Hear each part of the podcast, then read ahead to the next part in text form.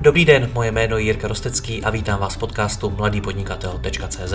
Od roku 2015 vám každý týden přináším nové rozhovory o podnikání, osobním rozvoji a marketingu. Všechny najdete nejen zde jako audio, ale i jako video na webu www.mladýpodnikatel.cz. Partnerem podcastu mladýpodnikatel.cz je společnost ShopTet, poskytující nejpoužívanější e-shopové řešení v Česku. Stačí kliknout a začít prodávat www.shoptet.cz. Děkuji vám za váš čas a neváhejte mi napsat na jiry.rostecky.cz případně na Facebooku. Užijte si poslech.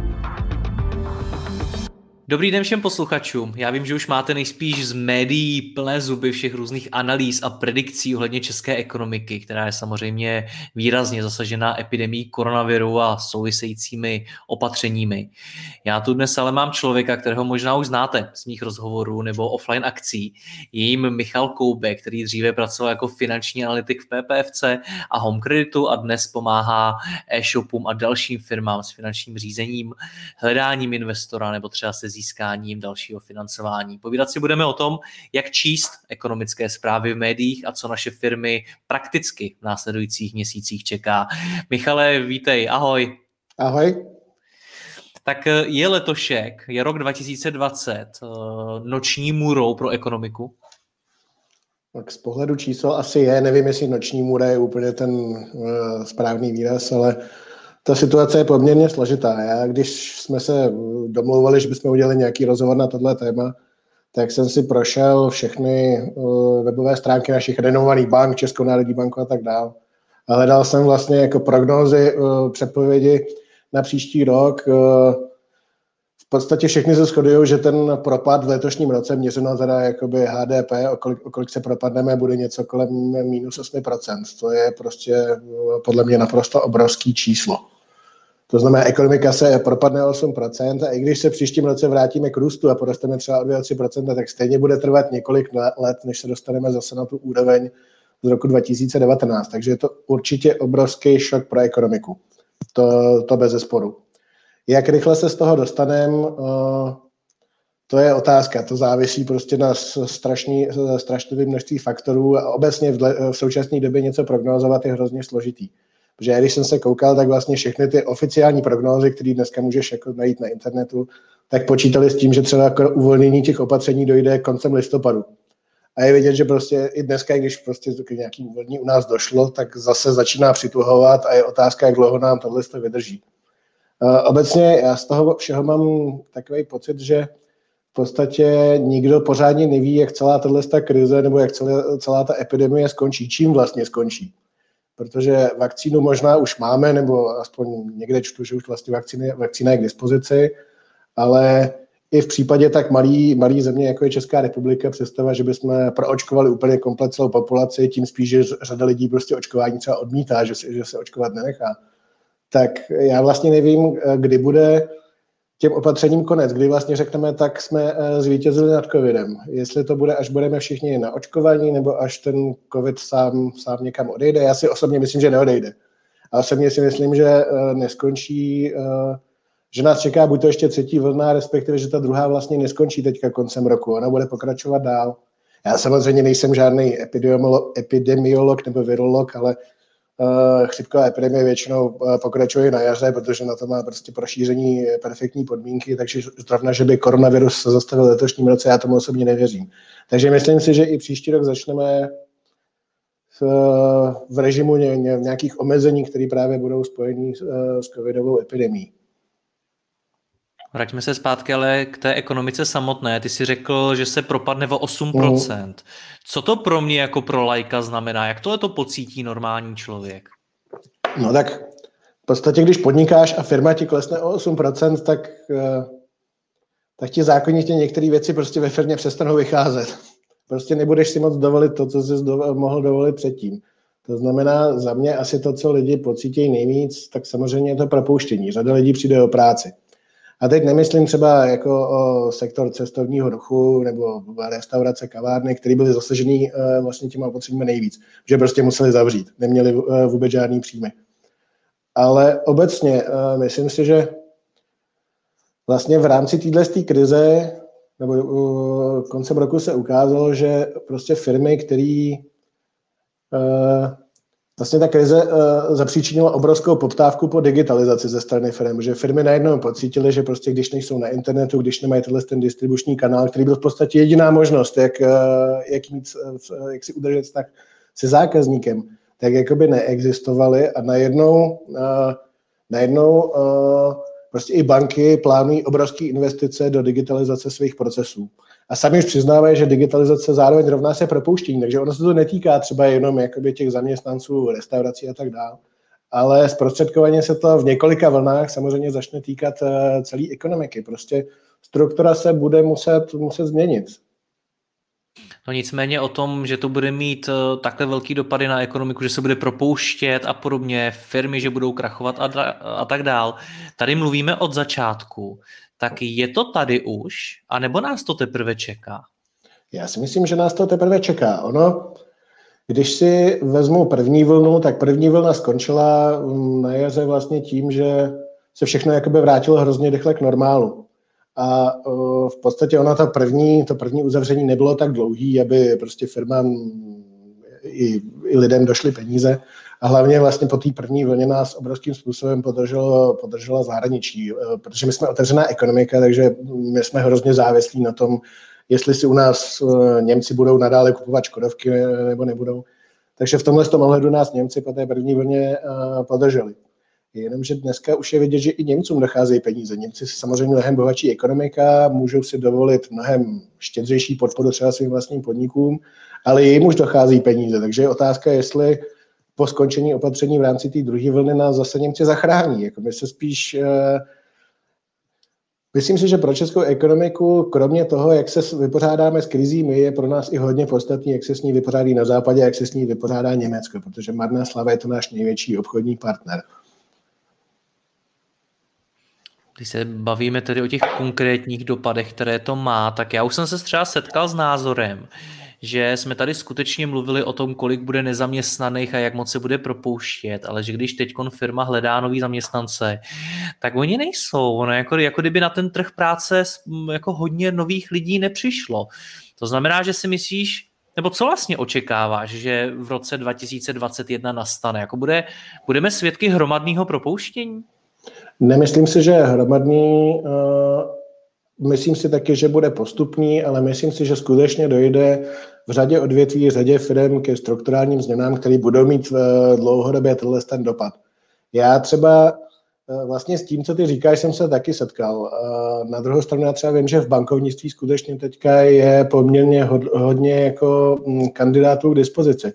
Protože mám, bavil jsem se vlastně i s bankama, tak banky po první vlně já nebudu jmenovat, ale jedna banka prostě podepustila tři patra jakoby v rámci svý, eh, svého pražského věžáku tři patra zaměstnanců, což je obrovské množství jako lidí z bankovní praxí, kteří jsou samozřejmě teďka na trhu, takže zase z banky já vím, že prostě teďka skutečně jako lidi jsou, že jich je poměrně dost. Takže asi záleží obor od oboru. Já vím, že jsem se třeba bavil um, uh, s, e- s, s několika e-shopy, prostě, který taky schánili lidi, tak samozřejmě e-shopy E-shopy jsou mimochodem jeden z vítězů celý, eh, celý koronavirové krize, takže tam zas až tak, jako kdyby teďka hledal lidi se zkušeností s e-commerce, tak těch asi na trhu tolik není, protože e-shopům se zrovna v současné době daří. To... Tomu se ještě taky dostaneme. Mě by ale zajímalo, na koho to dopadne negativně, protože mně přijde, že celou tu krizi spojujeme s svým, svým jako konkrétními obory, restaurace, turismus a tak podobně. Je to všechno, nebo to půjde dál? Že ty, no, ty najednou mluvíš o bankách třeba.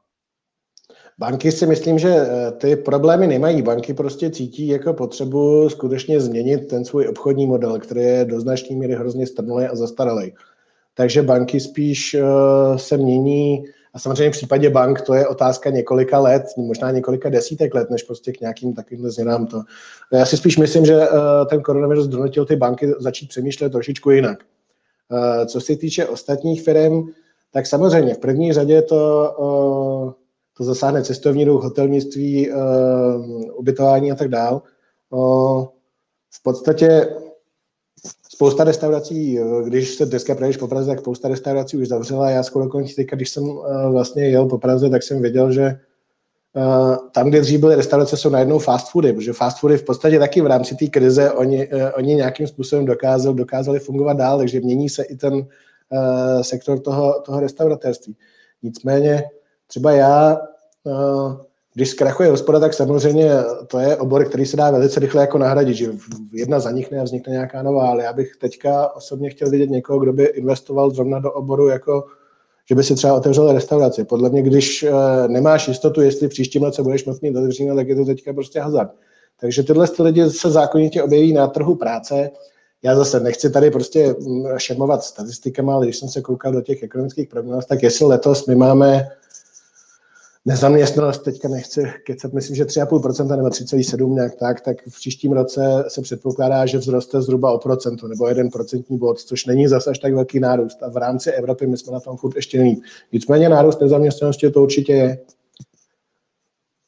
A bude tedy pokračovat? Nebo to procento je uh, vlastně to, co udělal COVID? Já si myslím, že to bude ještě pokračovat. Myslím si, že to je hodně právě způsobený tím COVIDem a to procento je hrozně takový střízlivý odhad, který právě je způsobený tím, že ještě není jasný, kdy teda vlastně dojde k stoprocentnímu rozvolnění těch opatření. Čím díl samozřejmě budou, tím víc tohle číslo poroste.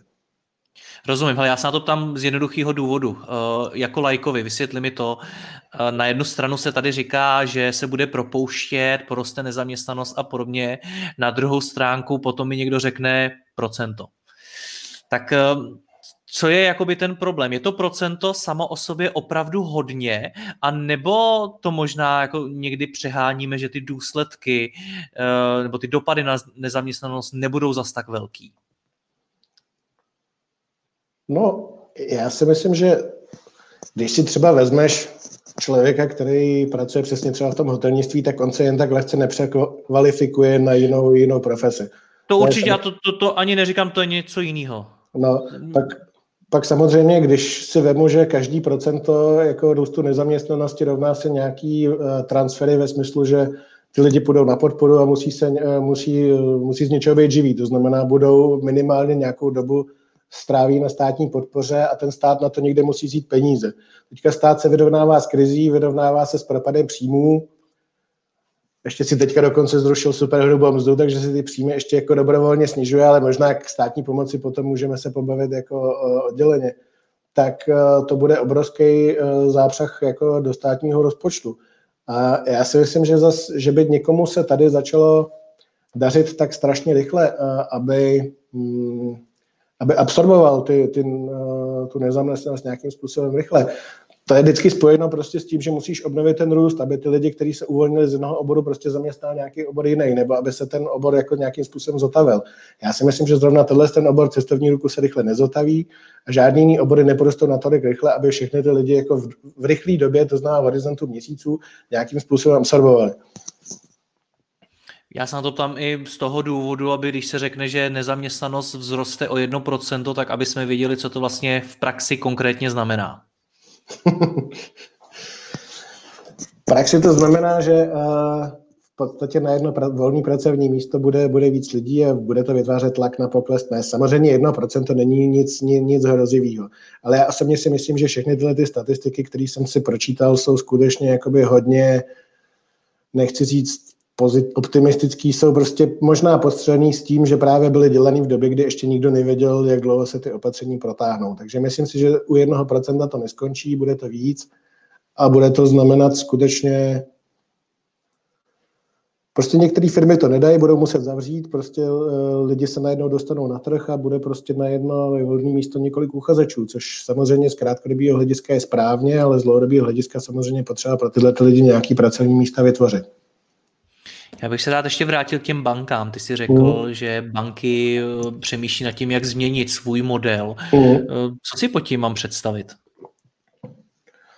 No, myslím si, že spousta uh, obecně banky um, žijou s dědictvím toho, že uh, v podstatě v, všechny procesy v bankách dneska jsou strašlivě komplikované. Já když třeba vezmu příklad zase, banku nebudu jmenovat, ale ta má v podstatě uh, za um, mm, 30 let něco kolem tisíc variant prostě uh, svých produktů, který nabízí. To znamená, vždycky, když chce dělat nějaký změny, tak je to pro ně obrovský, obrovský jako zásah do jejich vnitřních systémů i do procesu.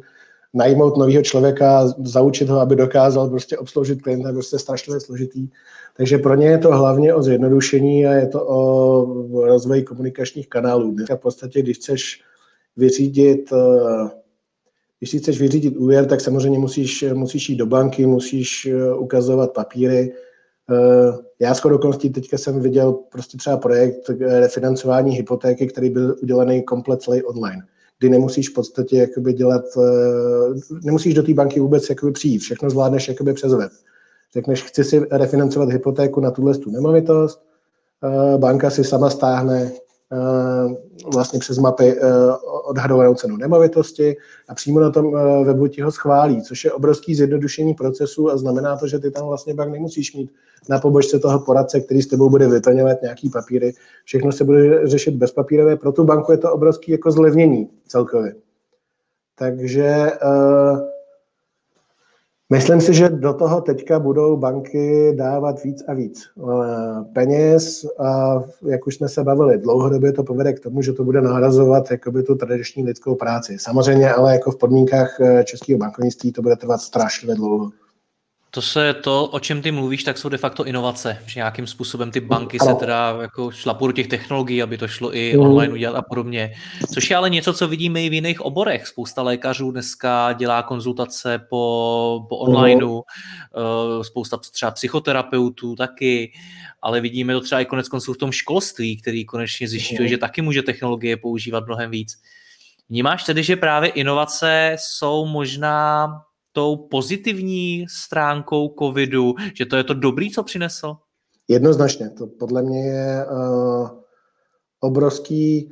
Lidi se naučili pracovat jinak. Já vidím, že i když už jsme se teda bavili o tom, jak dneska hledat nebo nehledat zaměstnance na určitý pozice, tak já třeba vidím, že mnohem víc lidí už nabízí třeba nabízí se na částečný úvazek. To znamená, oni dokážou prostě třeba pracovat z domova a dokážou pracovat pro několik firm najednou. To znamená zase pro některé firmy to pak může být dostupnější. Konkrétně mám příklad teďka e-shopu, který takhle jakoby najal několik analytiků a má je v podstatě všechny na částečný úvazek a sdílí je s několika dalšíma firmama, což je podle mě zase uh, před rokem by mě ani nenapadlo, že nějaký takovýhle model může fungovat. A myslím si, že právě ten COVID nás naučil ty technologie mnohem víc využívat. I vlastně to, že my si teďka s tebou tady povídáme eh, ne ve studiu, ale eh, po Skypeu nebo po, eh, přes video, je důkaz, že prostě to jde, že, si, že jsme si na to poměrně rychle zvykli, takže určitě nás to jako do budoucna změní. Já si myslím, že to je, že to je logický a správný. No a věříš v takový ty představy o tom, že už nebudeme pracovat společně v nějakých kancelářích, ale že skutečně budeme mnohem víc dělat všechno na dálku. A teď nemyslím jenom klasickou práci, tady se bavíme o firmách, kde to samozřejmě je možné o kancelářských primárně, ale třeba i konference a podobně. No myslím si, že bude růst ten podíl. Na druhou stranu, já si myslím, že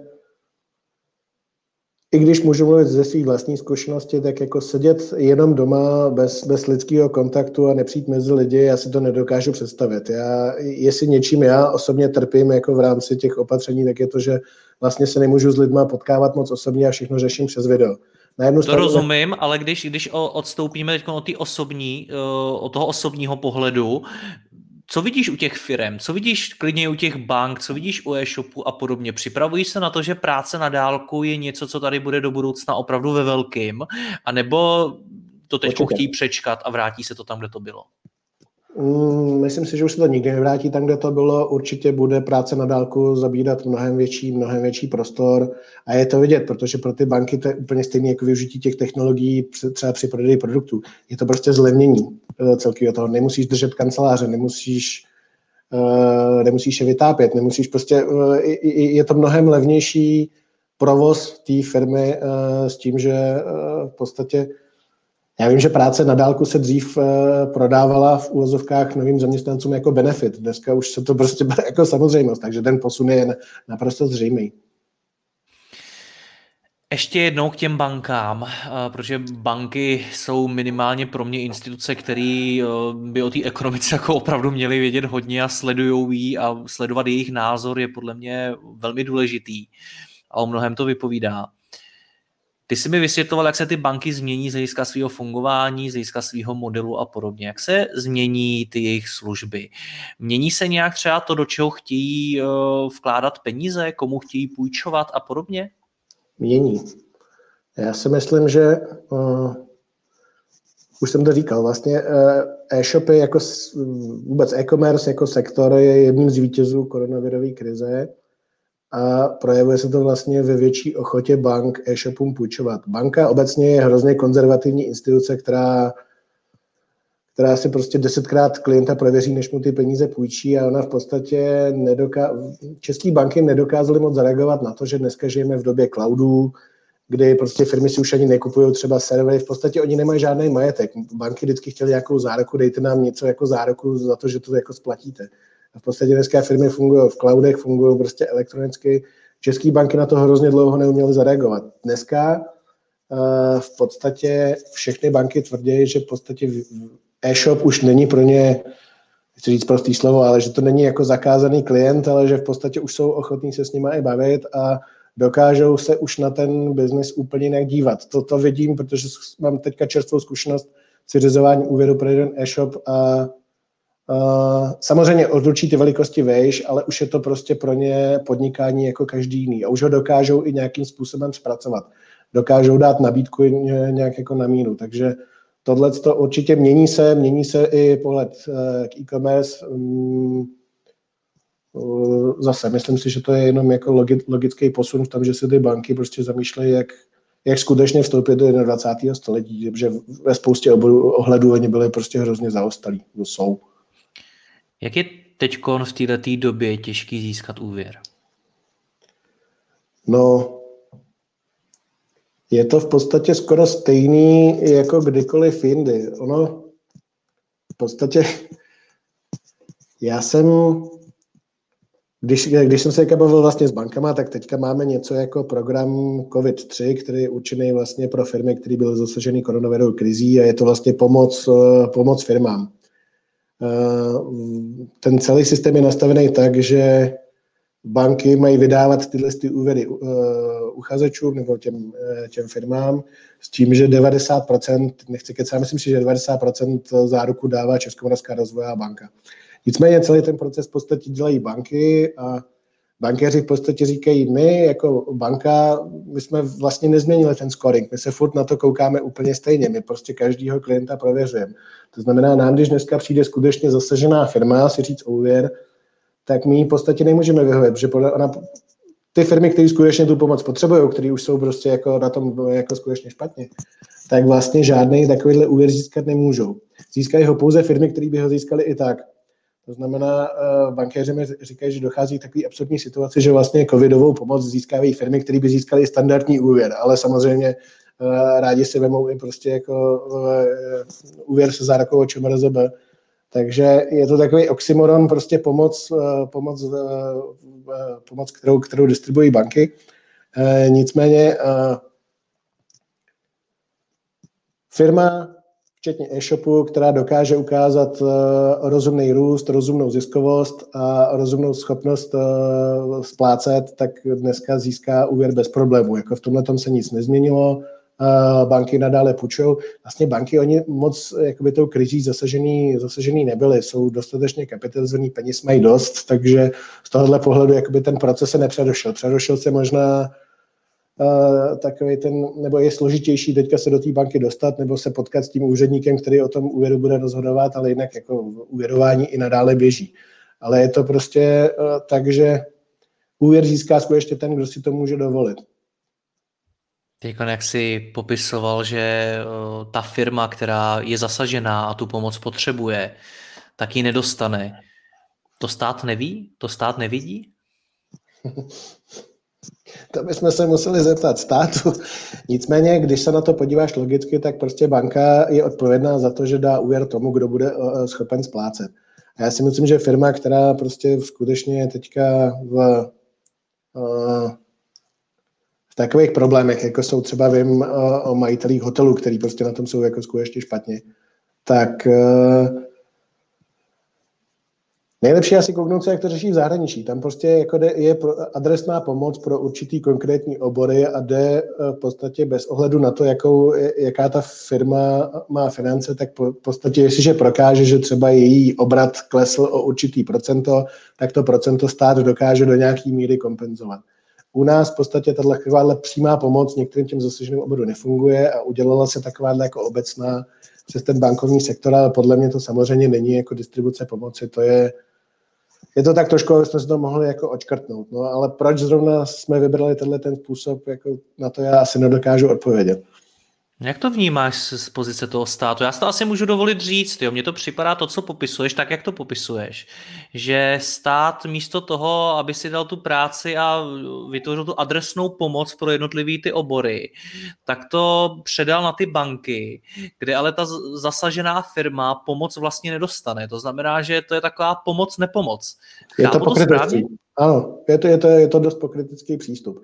Já uh teďka nechci zase, nepamatuju si úplně přesné číslo, ale na tuhle tu pomoc v rámci COVID-3 je vyčleněno nějaký obrovský množství miliard a vím, že banky zatím distribuovaly zlomek. V podstatě uh, bankéři tvrdí, že uh, firmy, když jim nabízejí uh, jakoby, uh, úvěr z programu COVID-3, tak oni říkají, my jsme nebyli zasaženi COVIDem, my ten úvěr nepotřebujeme.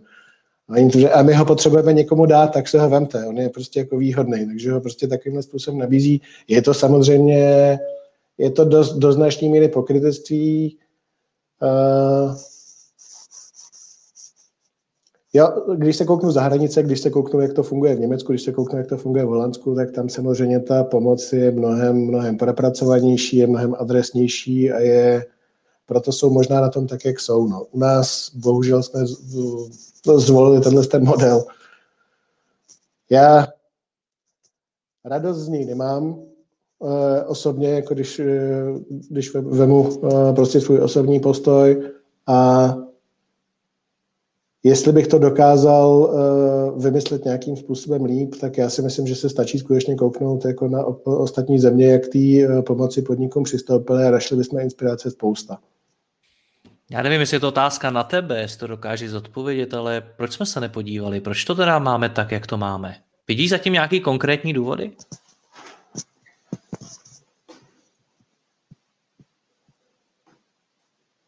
Obávám se, že skutečně na tuhle otázku nedokážu odpovědět. Eh, myslím si, že když si vezmeme, jako kdo dneska v naší zemi je u moci, tak eh, v podstatě já když si vezmu, jakým způsobem třeba uh, v minulosti uh, rostl Agrofert nebo jak uh, rostlo Imperium Andreje Babiše, tak v podstatě ono bylo hodně spojené s tím, že kupovalo firmy nějakým způsobem zasažený, nějaký krizi. A slyšel jsem prostě některé lidi, který, nebo některé teorie, že v podstatě tohle to je snaha pomoct Agrofertu, aby si mohl vybrat z těch zasažených firm, kterou si z nich potom koupí. Já nejsem příznivcem takovéhle konspirační teorie, tak si to nemyslím. Spíš v podstatě chyběla chybí z nějaké uh, strany vůle, možná, že chybí i dostatečně schopná infrastruktura nebo dostatečně schopní úředníci, kteří by tu pomoc nějakým způsobem prosazovali líp.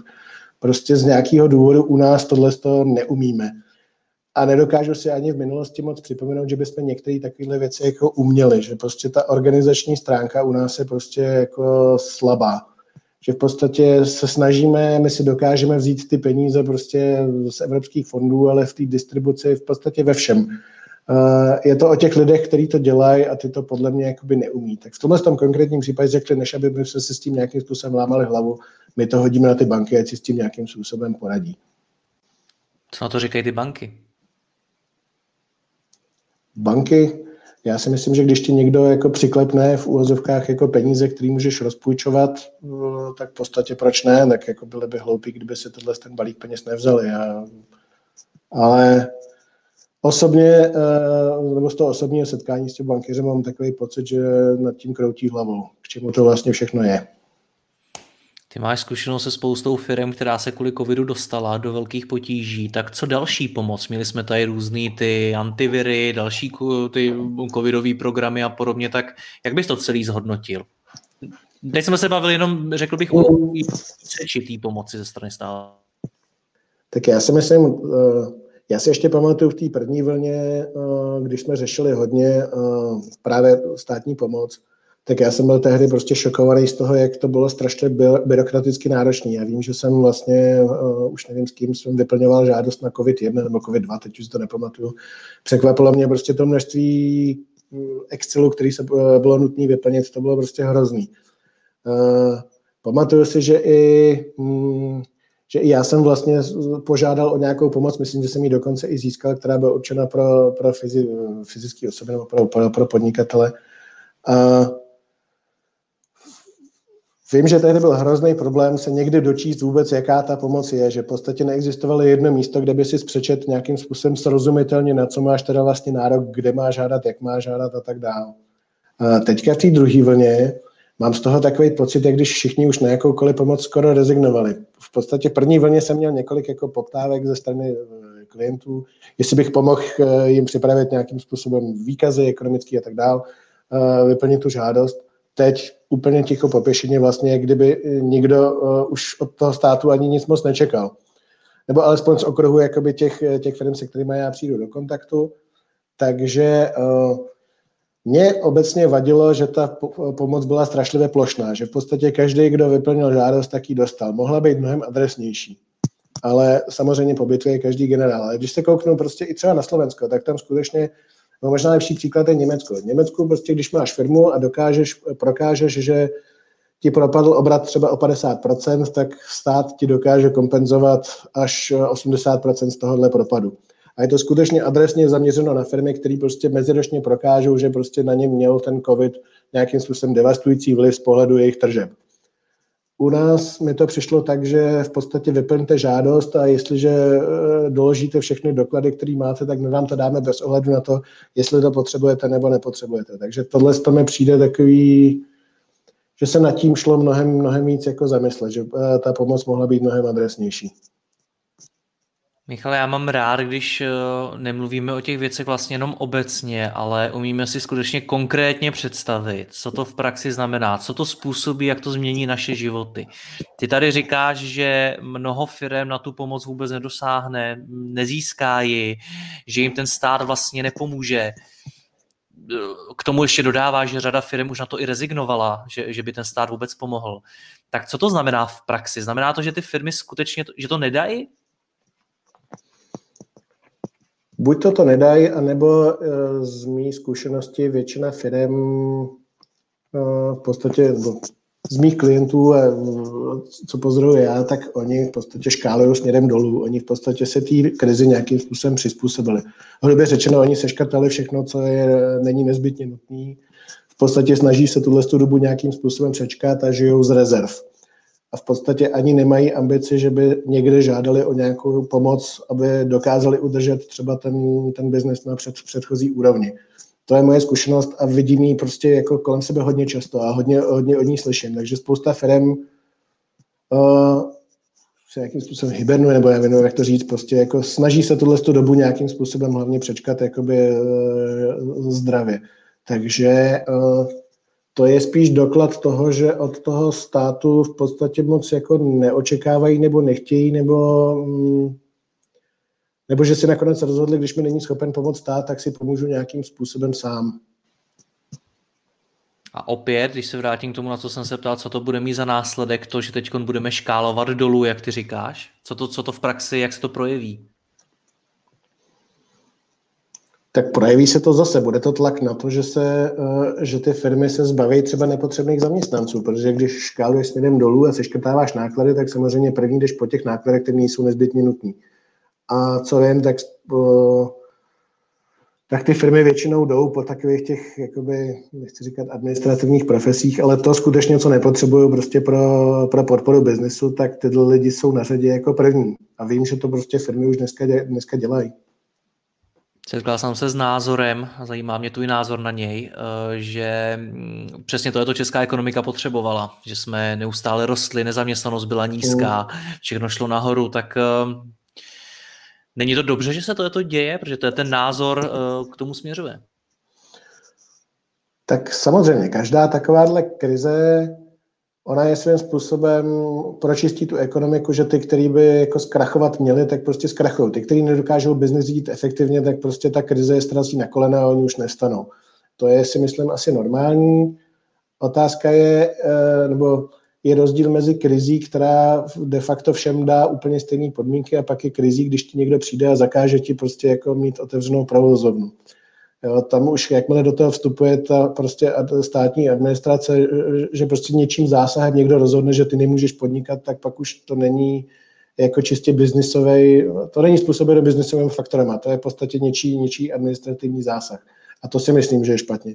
Jinak to, že uh, prostě přijde krize a krize prostě přicházejí pravidelně ve, ve vlnách a uh, firmy, které na to prostě nemají, protože prostě nedokážou efektivně spořit s krachou, to si myslím, že je naprosto normální. A máš pravdu, posledních deset let z mýho pohledu jsme si žili nad poměry. Že jsme neustále rostli a uh, jsou tady firmy, které skutečně si možná i částečně zaslouží jako zkrachovat, nebo aby, aby tady nebyly. To, to je, pak je velmi těžký říct, který to jsou, ale... Já prosím, nebudu to říkat, ale vím o několika. Dokážeme srovnat, eh, jak na tom jsme v porovnání s jinými zeměmi? Ty si říkal, že my se propadneme o nějakých 8%, tak eh, jak na tom jsou jiné země? Tak já si myslím, že Evropa západní i východní je na tom do značné míry podobně. Teďka ty omezení jsou, jsou ve všech zemích kolem nás. V září, v říjnu jsme byli nejhorší země Evropy, co se týče přírůstku nově nakažených, úmrtí na přepočty na, já nevím, na kolik obyvatel. Teďka se ta situace vyrovnala. Ono to bylo krásně vidět, že i v té době proce oslabila česká koruna a teďka se už zase vrátila na původní úroveň, to znamená, teďka už se zase ta pozornost je naměřená někam jinam. Takže byli jsme na tom, byli jsme na tom hodně špatně, ale myslím si, že teďka ta teďka naopak, jako, jak byly ty rozvolnění s tím, že prostě u nás začaly otevírat restaurace, tak jsme byli podle mě v Evropské unii první, že jsme byli takový ostrov jako že už jsem zase slyšel eh, od svých kolegů nebo kamarádů z Německa, že prostě pojedou na Silvestra slavit do Prahy, protože tady bude otevřeno, zatímco v Německu je všude zavřeno. Takže myslím si, že teďka ty omezení platí po celé Evropě. Nečetl jsem prognózy za Německo, ale troufám si, že to bude prostě ve všech těch zemích jako hodně podobný. Všude bude útlum a v zásadě ono už je jedno, o kolik procent kdo propadne, ale celkově uh, ta krize bude stoprocentně znamenat propad pro, pro většinu zemí uh, na země kouli a 100% v Evropě. Pojďme k té e-commerce. Ty jsi označil za vítěze, a nejsi jediný, mm. kdo, kdo ji označuje za vítěze celé pandemie. Mm, jak to teda, jak bys to schrnul? Jak e-commerce dopadla? Jak, jak je tím prošla? No, v podstatě e-commerce byla dlouhou dobu uh, jediným, uh, vlastně jedinou možností, jak si lidi mohli nakoupit některý, některý zboží. To znamená, Mal obchod rovnalo, se rovnalo v určitě době pouze e-commerce. Jiná, jiná možnost nebyla. Zákonitě to mělo za následek to, že obrovským způsobem některé e-shopy vyrostly. Nechci jmenovat, ale prostě jako potraviny přes internet se začaly, začaly nakupovat je jak nikdy dřív. Dokonce já, který jsem nikdy nenakupoval, jsem začal nakupovat potraviny přes internet. Dva. A to jsem ti to doporučoval už dlouho. Jo, přesně tak. Tak já jsem to konečně vyzkoušel a zjistil jsem, že je to fakt super, když ti někdo přitáhne minerálky uh, až před dveře. Takže uh, rozhodně začalo víc lidí nakupovat v e-shopech. Já si stejně ale myslím, že do značné míry ta situace byla, bylo to uměle vytvoření a já si myslím, že uh, to nebude trvat tohle věčně. Samozřejmě v situaci, kdy si nemáš jak jinak nakoupit, tak si nakoupíš na internetu. Stejně si ale myslím, že d- d- jakmile se uh, nějakým způsobem rozvolní ty opatření, tak lidi se zase vrátí do nákupních center, protože prostě to nakupování je hodně taky o tom nakupování. Že samozřejmě jako e-commerce získal nový zákazníky, rozšířilo se to portfolio klientů, kteří tam nakupují, prudce vzrostly tržby, ale nemyslím si, že vzrostly trvalé. To znamená, očekával bych tam, že zase to klesne na nějakou úroveň, která sice bude vyšší než třeba v roce 2019, ale rozhodně neudrží ty zisky, který, eh, který získal v letošním roce. Takže myslím si, že do určitý míry to skutečně eh, je bublina. Eh, samozřejmě ne úplně Nedá se říct, že úplně celý e-commerce vyrost, jsou samozřejmě i případy jakoby e-shopů a sám asi víš taky o několika případech, kdy to, kdy to tak nebylo. Celkově ale samozřejmě e-commerce vyrost. Na druhou stranu, když si vezmeš, kolik e-commerce zabírá jakoby v ekonomice, teďka si nejsem jistý, myslím, že to je něco kolem 2,5 nebo 2,7% HDP za rok 2019, tak to je stejně hrozně malinkatá část jako celkové ekonomiky. Takže eh, to, že rost e-commerce samozřejmě tu krizi nějakým způsobem nevytrhne. Eh, obecně si myslím, že má ještě eh, COVID jednoho vítěze nebo ta covidová krize a to je IT sektor. Že jak už jsme se bavili, tak teďka obrovským způsobem vzrostla poptávka ze strany velkých firm po, po digitalizaci, potom eh, budovat digitální komerční kanály pro, eh, pro elektronickou komunikaci i pro prodej zákazníkům. Takže spousta IT firm teďka hlásí, že má opravdu zakázky na celý příští rok, že už vlastně žádný další neberou, protože, protože nemají. A co vím, tak teďka najít jako lidi v IT je taky poměrně hodně obtížný. Nejsou. Já když si představím, že mám e-shop, mm-hmm. teď mi to vyrostlo uh, extrémně vlivem covidu, protože se nedalo nikde jinde nakupovat, tak uh, co to pro mě znamená na příští a přes příští rok, když říkáš, že teď OK, ta e-commerce vyrostla, ale pak se to vrátí, tak pro ty e-shopy přece to, to musí být uh, velmi těžká zkouška. No, na jednu stranu je, protože spousta z nich nebyla samozřejmě připravená na tak, na tak rychlej růst a zároveň, když teďka investuješ do toho, že prostě přizpůsobíš tomu firmu těm obratům a ona ti potom zase klesne, tak je to obtížný. Já osobně si myslím, že teďka je ideální příležitost pro e-shopy investovat do technologií, prostě celkově se víc, eh, víc zefektivnit. Eh, vím o spoustě příkladů, kdy e-shopy prostě, řešili ten obrovský nárůst tím, že najeli noví lidi a prostě řešili všechno lidskou silou. Teď možná už té druhé vlně už víc sleduju to, že víc se poulíží o tom, jak třeba zefektivnit práci skladu, jak zefektivnit eh, naskladňování, vyskladňování, jak expedici objednávek udělat prostě rychleji, aby nepotřebovali tolik lidí. Takže vidím, že je tendence pro to investovat víc do těchto těch technologií jakoby provozních a myslím si, že na to správná doba teďka nějakým způsobem vyrostly, vyrostly příjmy, vyrostly, vyrostly zisky těm e-shopům a jestliže do budoucna budou klesat, tak samozřejmě jako co můžeš udělat líp, než prostě ten celkový provoz tvýho e-shopu zefektivnit. Když na to ještě navíc teďka si vydělal prostředky. Takže eh, já doporučuji třeba svým klientům e-shopařům hlavně, aby ty peníze nevrážely do dalších zásob, protože prostě riziko, že jim pak ty zásoby zůstanou na skladě, je poměrně velký. A spíš ať je vrazí, vrazí nebo ať je investují do něčeho, jako je přesně péče o zákazníka, expedice, prostě zlevnění jako celkové e, toho provozu, toho e-shopu a taky v podstatě ono by se to taky dalo nazvat digitalizací, aby se to neřešilo lidskou silou, aby se to řešilo pomocí nějakých jako technologií, aby to bylo skutečně e, ta e-commerce. Jak by si, protože ty firmám eh, e-shopům eh, pomáháš s nějakým finančním plánováním a s přípravami do, do budoucna, tak jak by si teď plánoval rok 2021? Dobrá otázka. Já už jsem dokonce několik takovýchhle plánů, plánů dělal.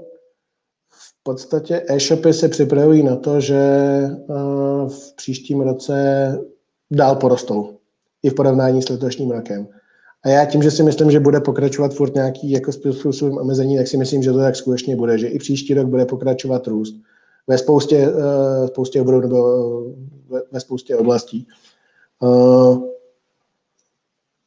Zároveň ale vidím, že um,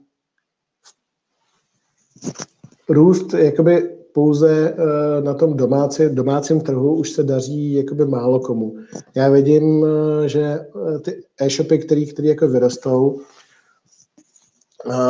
tak v podstatě si čím dál tím víc pohlížejí po tom, že, že překládají prostě jakoby web do, do cizích jazyků a jdou na další trhy, registrují se další domény a celkově expandují, ale expandují teritoriálně. Že to není, že by prostě jako prodávali víc v České republice, ale v podstatě jdou do zahraničí teďka.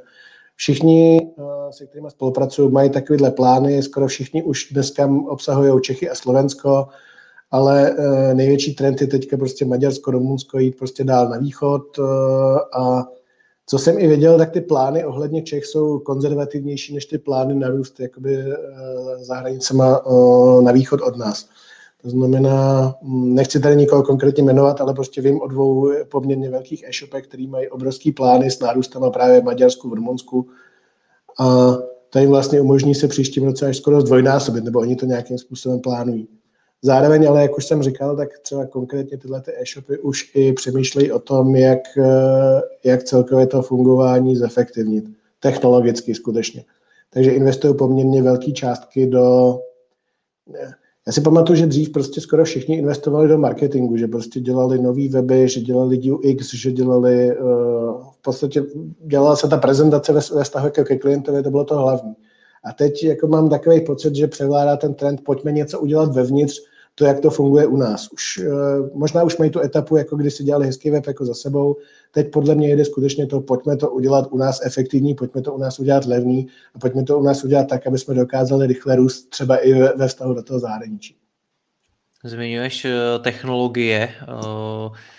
Co logistika, protože my ten rozhovor natáčíme v době, kdy dopravci nestíhají a mnoha e-shopům nastavili limit a najednou ty prostě jako e-shop nemáš, jak eh, to tomu zákazníkovi doručit, což je dost na zbláznění situace. Tak eh, co tohle to způsobí, protože najednou mm, se stalo něco, co si myslím, že si tady moc e-shopu taky neuvědomovalo, že i ten eh, dopravce může mít svůj limit a že to taky nemusí odvést. Uh-huh. Já skoro okolností teď Nemůžu jmenovat firmu, ale mám konkrétní příklad, kdy prostě tato situace neustále rostoucího e-commerce a neustále rostoucí poptávky po, po uh, jakoby logistice nebo po dodávání zboží zákazníkům přitáhla jednoho velkého hráče do tohohle sektoru, který teďka připravuje projekt uh, podstatě chce konkurovat zásilkovně, chce konkurovat i pomocí toho, nevím, jak se tomu říká, já tomu říkám Alza boxy, ale to v podstatě jakoby síť takových těch boxů jako na, na výdeji zboží z e-shopu a má poměrně hodně peněz, který do toho chce teďka investovat. To znamená to, že někde je uh, kombinace rychle rostoucího trhu a to, že někdo nedokáže jakoby to dostatečně rychle obsluhovat nebo naráží na kapacity, podle mě jako zákonník, že to přiláká hráče, který na tom budou chtít taky nějakým způsobem participovat a vydělat, protože tam se teďka soustředí růst. A skutečně jakoby mám konkrétní příklad firmy, která, která se do toho sektoru chystá. Z toho, co povídáš o český e-commerce, tak mi přijde, že se bude dít to, co se tady vlastně děje už spoustu let, ale teď možná ještě rychleji a že se budou rozevírat nůžky mezi velkýma a malejma, protože ty velký samozřejmě mají prachy na to se zdvojnásobit v Maďarsku a podobně. Hmm. Uh, bude se tohleto dít? Jednoznačně. Jednoznačně ta konkurence bude, bude čím dál tím nemilosrdnější myslím si, že těm malým se to postupně přestane vyplácet, protože ty, eh, abys byl jako skutečně konkurenceschopný, tak budeš muset investovat do těch technologií peníze, které si ty malí nebudou moc dovolit. Já si konce myslím, že ono, ono obecně, když máš něco, kde vidíš, že se točí spoustu peněz, tak to dřív nebo později přitáhne pozornost i velkých hráčů. Takže taková ta možnost, že třeba, že Amazon vstoupí na český trh, jako ono je svým způsobem čím dál tím pravděpodobnější, protože v tom e-commerce se tady točí víc a víc peněz. Takže je to víc a víc, jakoby, už to není tak podrozlišovací schopnost těch velkých mezinárodních hráčů. Když jsme říkali, že dneska česká e-commerce má nějakých 2,7% HDP, OK, jestli to zvedoste na 3, na 4%, tak myslím, že v západní Evropě ona stejně má 8-9%. Takže furt je ještě uh, hodně, hodně kam růst. No a to samozřejmě jako přiláká, přiláká hráče uh, nový, to znamená zostří se konkurence a aby v tomhle tom oboru obstál, to bude znamenat prostě jako investice, na který ty malí nebudou mít.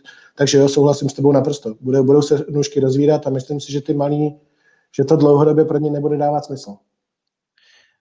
Na to vlastně teď jsi mi možná vzal vítr z plachet pro další otázku, protože já jsem se chtěl zeptat, že když se o tom tématu mluví, o tom, že se rozevírají nůžky mezi velkýma a malejma, tak se o tom mluví negativně pro ty malí že to jako znamená jejich zánik, nebo že je to prostě pro ně opravdu velký problém.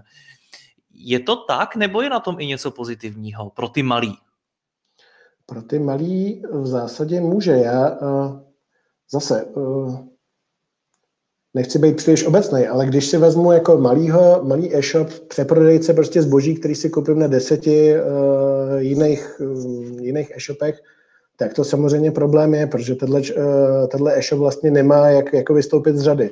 Ale existuje řada malých e-shopů, které prostě jsou nišovky ve smyslu, že si našli specifický segment, buď to mají svoje zboží, nebo, nebo svoji službu, nebo mají nějakým způsobem minimálně třeba jsou třeba výhradní distributoři nějaký zboží tady to, tak ty se v tomhle tom i dokážou jako nějakým způsobem potom integrovat, protože O, protože ty velký hráči, oni nikdy nebudou, nebo ne, nikdy nebudou, ale prostě v určitý okamžik je nesmysl, aby ten velký hráč měl třeba skladem všechno. Takže vždycky prostě jako on část jakoby toho trhu přenechá někomu, kde je specializovaný na určitý odvětví.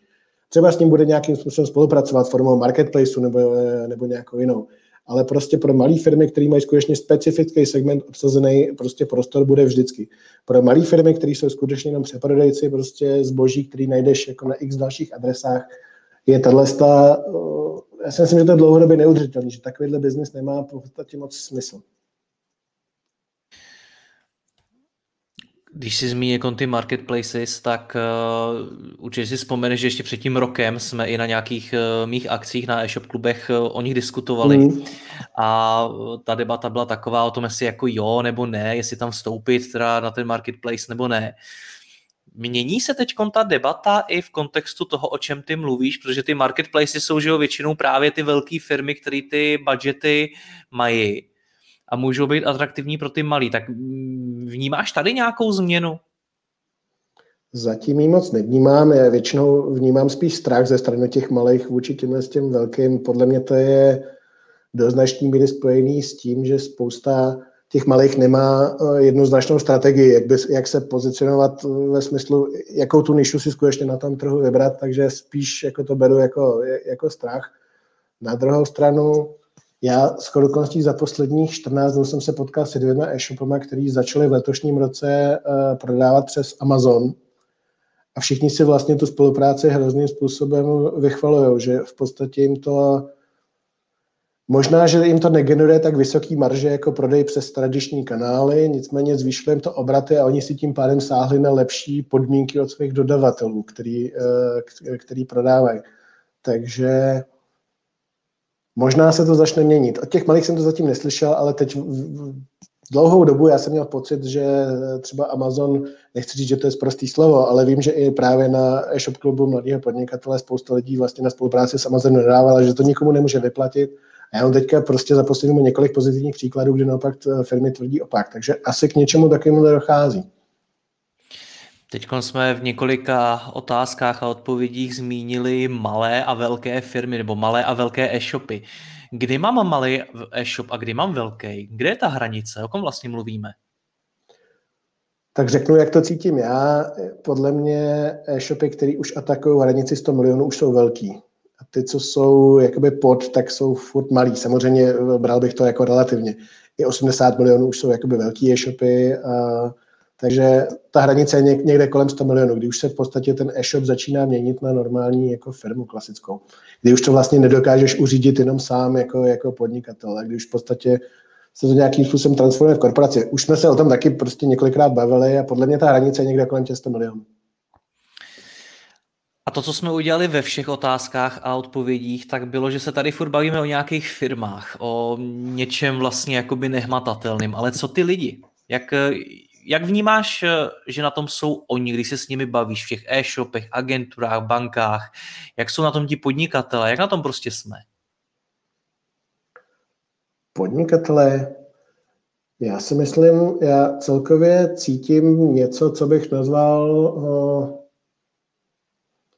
já osobně si myslím, že uh, krizi může vyhrát, nebo nad krizí může vyhrát pouze člověk, který v ní bude přemýšlet. Já osobně mám prostě pocit jako z lidí, že my v poslední době víc googlíme, než přemýšlíme. Tak jako já mám z podnikatelů, z bank uh, takový pocit, že uh, zašli se víc zamýšlet nad tím biznesem. To, to asi, asi líp, to, líp to teďka jako nevyjádřím má to smysl a třeba konkrétně e-shopaři, jako OK, tak teďka rostu, ale má to prostě dlouhodobě smysl, co bych měl teďka dělat. Takže já to vidím jakoby s tím, s čím se na mě ty e-shopy obracejí. Dřív to bylo prostě a já chci, já chci příštím roce jako vyrůst, počítej mi, kolik mám si počít peněz, abych měl na, na zásoby a tak dál. A teďka prostě už se bavíme skutečně na, o otázkách typu, co bych měl jako změnit v tom svém e-shopu, abych třeba dlouhodobě přežil, abych přesně, když sem přijde ten Amazon, aby mě prostě nesmazal úplně takhle. Co bys mi doporučil, abych jako udělal? Takže se ta diskuze jako mění a víc jako cítím skutečně, že se přemýšlí o, o strategii, já to nechci prostě nějak jako příliš tomu dávat honosný název, ale jakože jakoby ty e-shopy už dozrály a už to není o tom prostě, co mám ještě prodávat, co bych, co bych jak měl dělat, ale jak to mám dělat, aby to dávalo větší smysl prostě celkově i pro mě osobně. Takže určitě... Po tý... Promiň? Promiň, já myslím, že jsi skončil, po, povídej. Ne, už, už jsem skončil, pohodě. Povídej. Dobře, po té lidské stránce, po té po jsme na tom jak? Po té lidské stránce nám samozřejmě chybí kontakt a všichni uh, jsou rádi, když si můžou jako s, něk, s někým popovídat. Uh, já to cítím osobně a vidím to i na ostatních, že taková ta osamělost toho rozhodování, když jsi podnikatel a máš se o něčem rozhodovat sám, tak to se v tom covidu ještě jako zhoršila, protože teďka už ani to nemáš vlastně komu říct upiva. Teď je to takový, že to v podstatě nosíš jako v sobě. Takže uh, všichni jsou už jakoby z, z těch uzávěrek unavení a všichni toužejí, toužejí po tom kontaktu a o to víc prostě chtějí se jako s někým bavit, uh, uh, bo mají rádi, když se s někým můžou bavit o tom biznesu. A já skutečně jako cítím v tom, o čem se bavíme teďka, velikánský kvalitativní posun. No teď ti nerozumím, v čem myslíš? No skutečně to, že se bavíme o těch strategiích, že se nebavíme, jo, já nechci říkat jako o banalitách, to nejsou banality, ale už se nebavíme o provozních věcech v e-shopech, ale bavíme se prostě o tom skutečně, co s tím dál. Já jsem se na, to, to, na tu lidskou stránku ptal i z toho důvodu, že mě zajímá, jestli to nějakým způsobem ovlivňuje ty firmy samotný, jo? jestli když se ten podnikatel cítí osamocený, uh, bez toho lidského kontaktu, jestli to má nějaký vliv i na ten jeho biznis, když je v nepohodě. To si myslím, že má. V podstatě, OK, řeknu, uh, mám, mám několik příkladů takhle, zase nebudu jmenovat konkrétní e-shop, ale uh, v podstatě, když vidíš, že se ti nějakým způsobem nedaří, tak podle mě logická reakce je, že zkoušíš nové věci. Vyzkoušíš prostě, eh, na tebe, když se ještě třeba já bavím, děláme nějakou finanční analýzu, já říkám prostě tady to skutečně jako nefunguje, tady, tady prostě tady je jakoby problém. Tak prostě logická reakce je, že uh, OK, tak já tohle změním, já třeba třeba nebudu spát tolik peněz do marketingu, nebo zkusím něco dělat jinak, zkusím nějaký jiný kanál. Uh, a lidi, kteří jsou skutečně jako na to sami a jsou v nepohodě, tak prostě z nich občas cítím takový to, že se nejsou schopni rozhodnout, co by teda jako měli udělat. Takže tam jako sedějí trošku jak zajíček svý jance prostě a čekají, že se něco stane samo.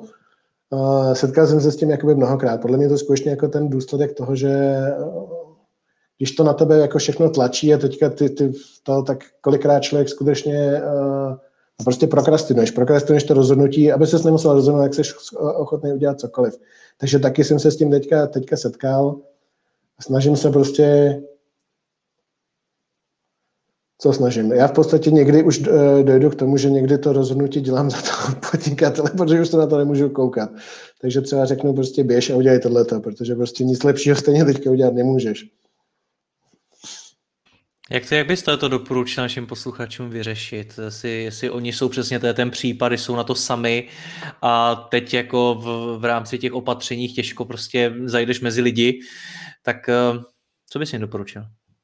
Tak určitě si o tom s někým popovídat, nebo minimálně aspoň prostě třeba na skupině mladého podnikatele, tak prostě jako dát dotaz do pléna a poslechnout si reakce ostatních. Já si myslím, že to obrovským způsobem pomáhá, když vidíš, že tam najdeš lidi, kteří řešili to sami protože marná sláva, to co, to, co já vidím, to nejsou problémy, které by byly nějakým způsobem unikátní. Všichni řešili v určitém etapě vývoje prostě jedno a to samé, takže není, není prostě za prvý není nic jako špatného, když se přiznáš, že nějaký takový problém máš a za druhý není nic špatného poslechnout si prostě jako názor v ostatních.